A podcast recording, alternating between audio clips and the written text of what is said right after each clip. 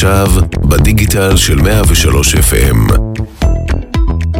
נקודת מפנה, תכנון פיננסי, האותיות הקטנות, בהגשת קובי דהן ואופיר זילביגר.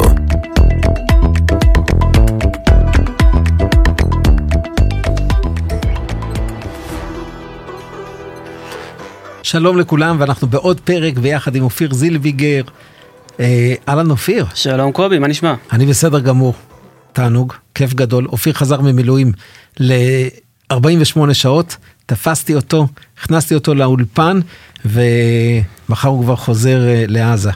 אז אה, אופיר, קודם כל תודה רבה על ה, באמת על ההתפנות ועל תודה רבה מעם ישראל על שלושה חודשים אה, במילואים. מה תודה, אתה יודע, רק תיתן לי מיקרופון, אתה יודע כמה אני אוהב את זה. אני יודע, אני יודע. אה, בפרק הראשון דיברנו על ההתחלה, ועל איך להיכנס לעולם של התכנון. והדגשנו את הנושא הפסיכולוגי, ואמרנו, משם זה מתחיל, ומשם אנחנו בעצם רוצים אה, לטפל בבעיה של להוריד את הסטרס לאנשים. אז הפרק הזה, כרגיל, לא הולך לדבר על כסף, והוא לדבר על הפסיכולוגיה, על ההתנהגות, ואני רוצה אולי לפתוח עם איזשהו אה, משהו אישי שלי. כאילו איך אני גם הגעתי לנושא הזה. הייתי בטיול עם אשתי ודיברנו על ה... אה, היא אמרה לי, קובי, תגיד לי, מאיפה ה, המנוע בעירה הזה אצלך אה, לקום בבוקר ולקדם ולעשות את התהליכים האלה שאתה עושה מבחינת הפיתוח העסקי ו, וכולי. ובאמת חשבתי על זה, ובאיזשהו מקום הגעתי אה, לילדות. וגדלתי בבית אה, באמת נפלא מבחינת אה, אהבה וחום, שבעה אחים, אה, דירת שלושה חדרים.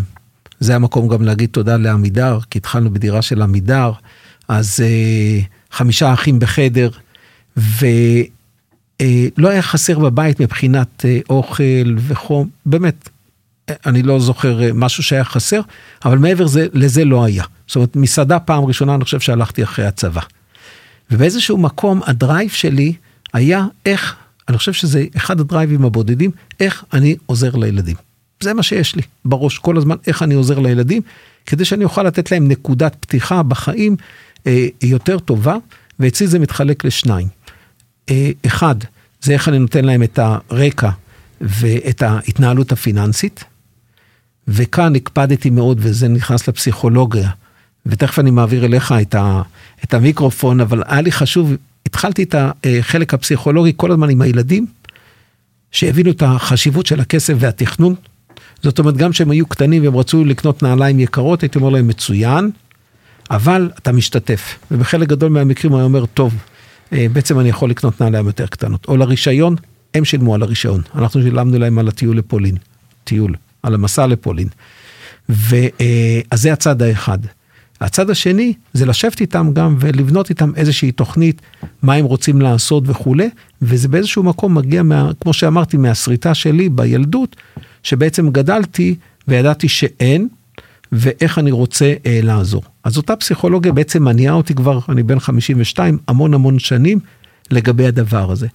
ועכשיו אני רוצה לדבר הפוך על הפסיכולוגיה האחרת, כי הרבה פעמים יש לנו את הפסיכולוגיה, נקרא לזה השלילית. איזושהי שריטה שהייתה לי בילדות, נניח שלא היה, ואז אני אתן לילדים בלי סוף. אז בוא נדבר, כמו שאתה אומר, על הפסיכולוגיה של הכסף, אבל ננסה להיזהר לא לקחת את הפרק הזה למקום אה, רוחני מדי או תרפיסטי מדי, כי אנחנו לא. זאת אומרת, אנחנו מאמנים פיננסיים, מתכננים פיננסיים, אז ננסה, ננסה לשמור את זה יחסית אה, פרקטי, אבל כן נכון. להבין מה זה סיפור הכסף של בן אדם ואיך הוא משפיע על הפעולות שהוא מבצע ביום יום. אז לכל בן אדם, כמו שאמרת, יש איזה שהן אמונות, מחשבות, תפיסות שהוא גיבש לעצמו לגבי כסף במהלך החיים. בדרך כלל זה קורה בגילאים מאוד צעירים, כמו למשל שאמרת, ראיתי בבית, הקרובים שלי אמרו לי, כמו למשל היה לי לקוח, שהוא הלך עם אבא שלו לבנק, הוא היה בן חמש, והפקיד בנק, אז פקיד בנק בטבריה לפני איזה 30 שנה, צעק על אבא שלו כי הוא לא החזיר הלוואה. ואבא שלו הסתובב לילד הזה ואמר לו, בן שלי, ככה זה, תמיד לא יהיה לנו כסף, אנחנו תמיד במינוס. והילד הזה מגיע לגיל 35, הוא עובד ומרוויח, והוא תמיד במינוס. הוא לא מצליח להבין למה. ואז שאני פתאום שואל אותו בשאלת שאלות, תגיד, מה היה בבית, מה שמעת, מה ראית, ופתאום הוא אומר, וואי, אני בעצם מחכה פה איזשהו, איזשהו דפוס, שמה בעצם קרה? הוא שמע שככה זה, והמוח שלו בתור ילד פיתח איזושהי תזה שככה זה. ומה אנחנו עושים שיש לנו כזאת תזה בראש? אנחנו כל החיים מנסים להגן עליה, זה בתת מודע, זה לגמרי בתת מודע. מנסים להגן על התזה הזו בכל מחיר. והתזה הזו, זו, אלה בעצם המשקפיים שדרכן הילד הזה שהופך ונהיה גבר בוגר, רואה את המציאות הכלכלית. אז אם ככה הוא מפרש את המציאות הכלכלית, הוא פועל בצורה, אה, בצורה דומה בהתאם. הרי כולנו חיים באותה מציאות כלכלית, וכל אחד מגיע לתוצאות אחרות, לדברים אחרים. בגלל שכל אחד בנה לעצמו איזה שהן משקפיים שדרכן הוא רואה את המציאות, על בסיס אמונות, מחשבות, דעות, דברים שנשתלו לו שהוא שם לעצמו, וככה הוא פועל. למשל, אם גדלת בבית שאח שלך הקטן גנב לך 100 שקל מהארנק, המוח שלך עלול לפתח איזושהי מחשבה בתור ילד, שכסף זה מה שצריך להחביא ולשמור, כולם רוצים לגנוב לך אותו. ואתה תיקח את זה כל החיים, ואתה לא תשקיע, ואתה לא תוציא את הכסף מהפק"ם, וזה משפחה שיהיה לה 250 אלף שקל בפק"ם והיא לא תעשה איתם כלום, וזה מגיע בדיוק מה, מהנקודות האלה. אגב, קובי, אם אתה רוצה, אחר כך אני אקח אותך הצידה ואגיד לך מה אני חושב שסיפור הכסף שלך. אה, או שנעשה איזה פרק וננתח אותך מול כולם. חופשי, לגמרי. אה, אה, אז זה משהו שאגב, החדשות הטובות, אפשר לזהות ולשנות את זה.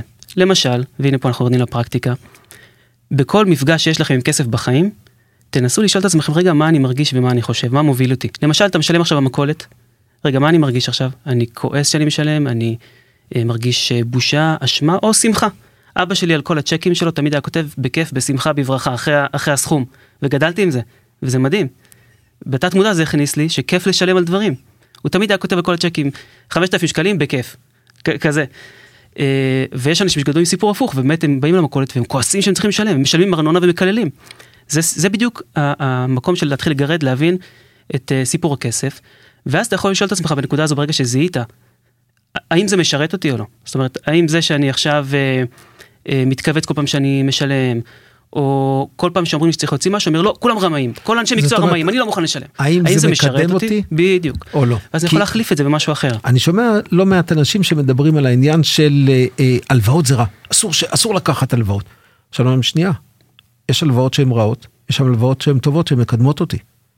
אבל נתפס להם הנושא הזה, אסור להיות במינוס, לא לוקחים הלוואות, או כל מיני משפטים שהם שמעו בבית, וזה בעצם הרציונל שלהם, והם פועלים, פועלים לפיו, ואז בסופו של דבר הם אה, לא מבינים למה ביום יום יש להם התנהגות אה, אה, מסוימת, שבעצם משפיעה על ה... וכדרך אגב, הם גם מעבירים את זה הלאה, זה הרי ברור לנו.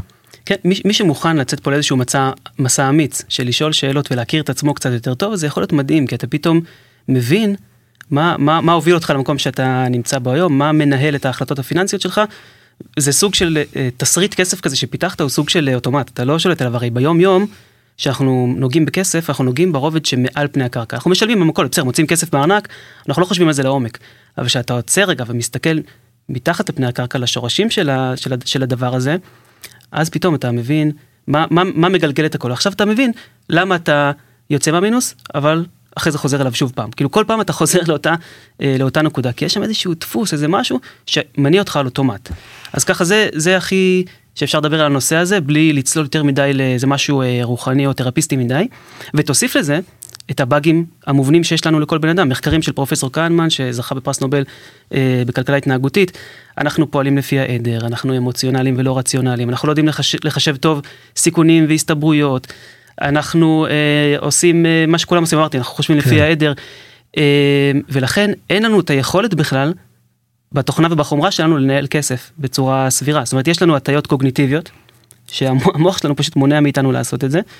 לכן אני תמיד אומר שלא צריך יותר מבן אדם וכרטיס אשראי כדי ליצור אסון כלכלי. אין לו את היכולת. זאת אומרת, בלי הכלים שישמרו על עצמי מפני עצמי, שזה למשל טבלת תקציב, אה, טבלת אה, אה, הלוואות ונכסים, זאת אומרת, אני לא יכול לנהל את הכסף, אז זה עוד, כשאנחנו מדברים בפרק הזה על פסיכולוגיה והרגלים שמובילים אותנו, לאן שמובילים אותנו, אז צריך לקחת בחשבון גם את, ה, את הדברים האלה, שבעצם אנחנו צריכים להקיף את עצמנו באיזושהי סביבה באיזה שהם הרגלים תומכים כדי להתגבר על אותם אה, אה, באגים ואירועים שונים שעברנו בחיים. טוב, אז בואו נדבר עכשיו על אה, הוצאות רגשיות. כי הרבה פעמים אנחנו מדברים של אה, הייתי בלחץ, הייתי חייב ללכת לקנות, או נסעתי לפה, או אני חייב עכשיו אה, חופשה וכולי. Okay. אוקיי. ההוצאה הרגשית הזאתי, שהרבה פעמים במצטבר היא יכולה להיות אה, לא מעט כסף. כן, אז מבחינתי... וכדרך אגב, היא לא פותרת בסופו של דבר את הבעיית שורש שיש. היא נותנת איזשהו מענה רגיל למשהו מסוים. נכון. אז הוצאה רגשית מבחינתי, ככה בהגדרה, זה, זו הוצאה שהיא לא בתקציב, וגם לא תכננתי לקנות אותה. זאת אומרת, באתי, ראיתי, לקחתי, ראיתי איזה משהו ו- ולקחתי. מעולם לא תכננתי לקנות את זה, לא רציתי את זה לפני כן, וגם זה לא, אה, זה לא מתוקצב. זה ככה אה, אה, קנייה רגשית. שנייה, אתה, קורה... אני, אני אוריד את זה לשטח.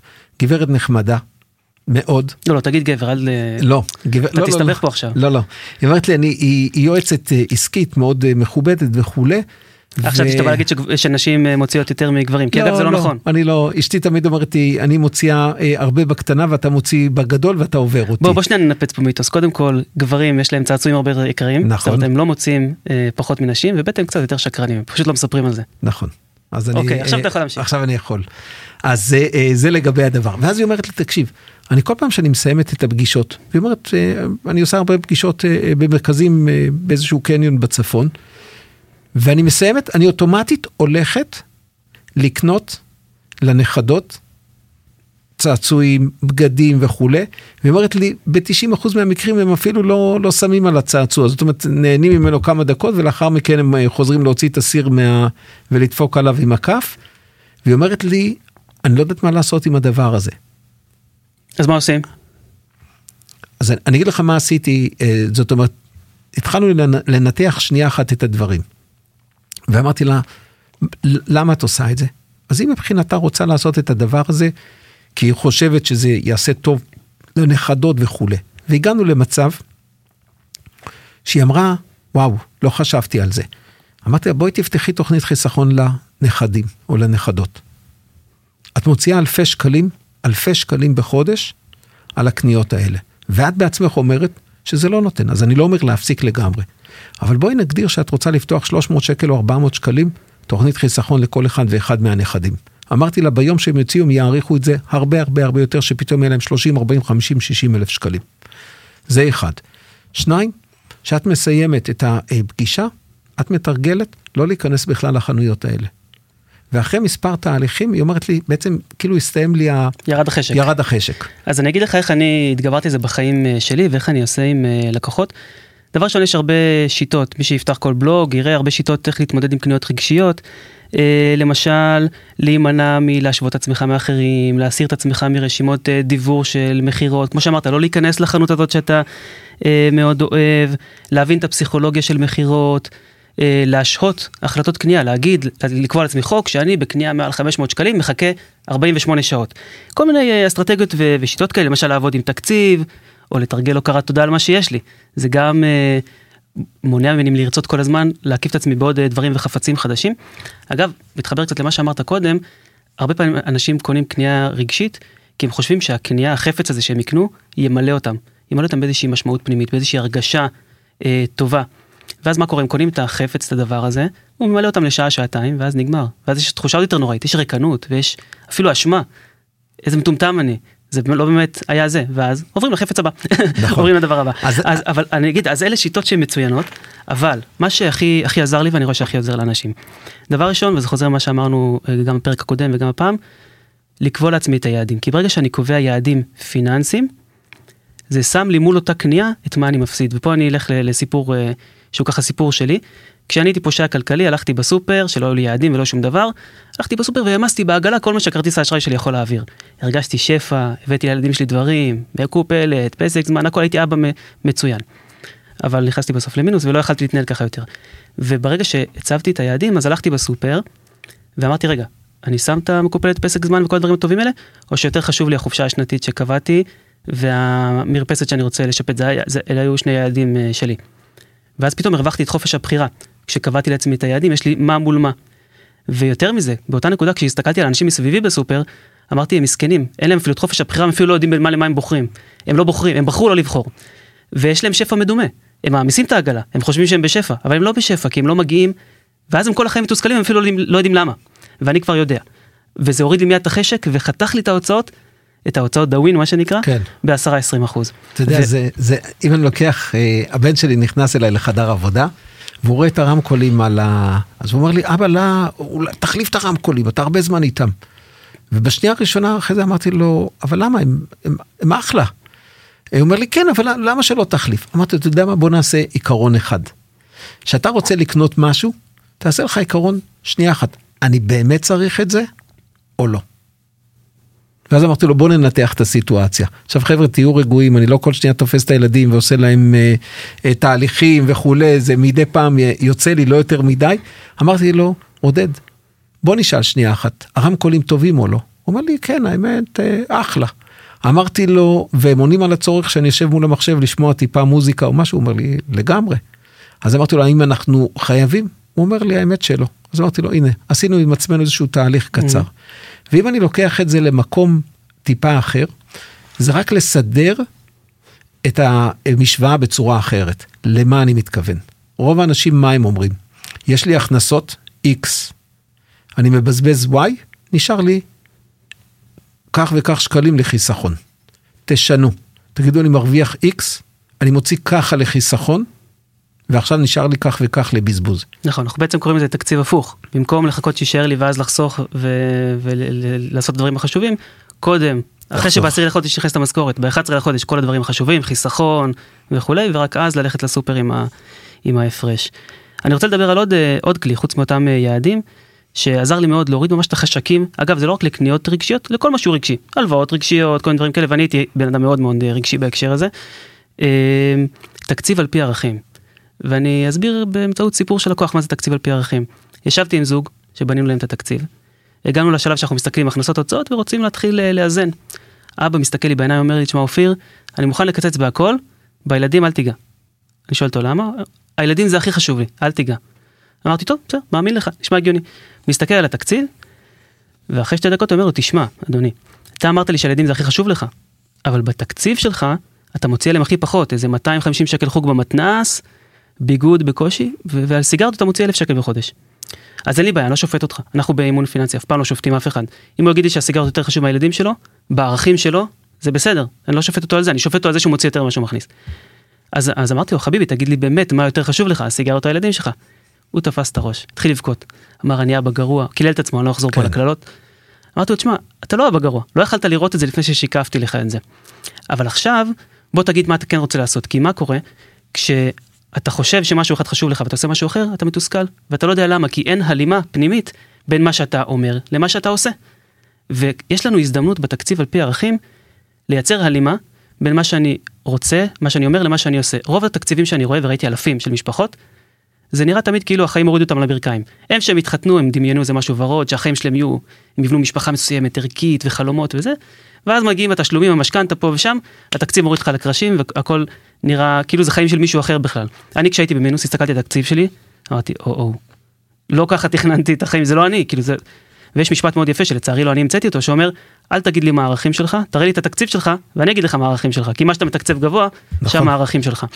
אז יש לנו הזדמנות בעבודה הזאת על התקציב, לשים קודם את מה שיותר חשוב לנו, אם למשפחה הזאת יותר חשוב ארוחות משותפות, אז זה יהיה שם קודם, או חופשות, או השכלה, אז זה יהיה שם קודם, ואם פחות חשוב להם דברים אחרים, אז, אז הם לא יהיו.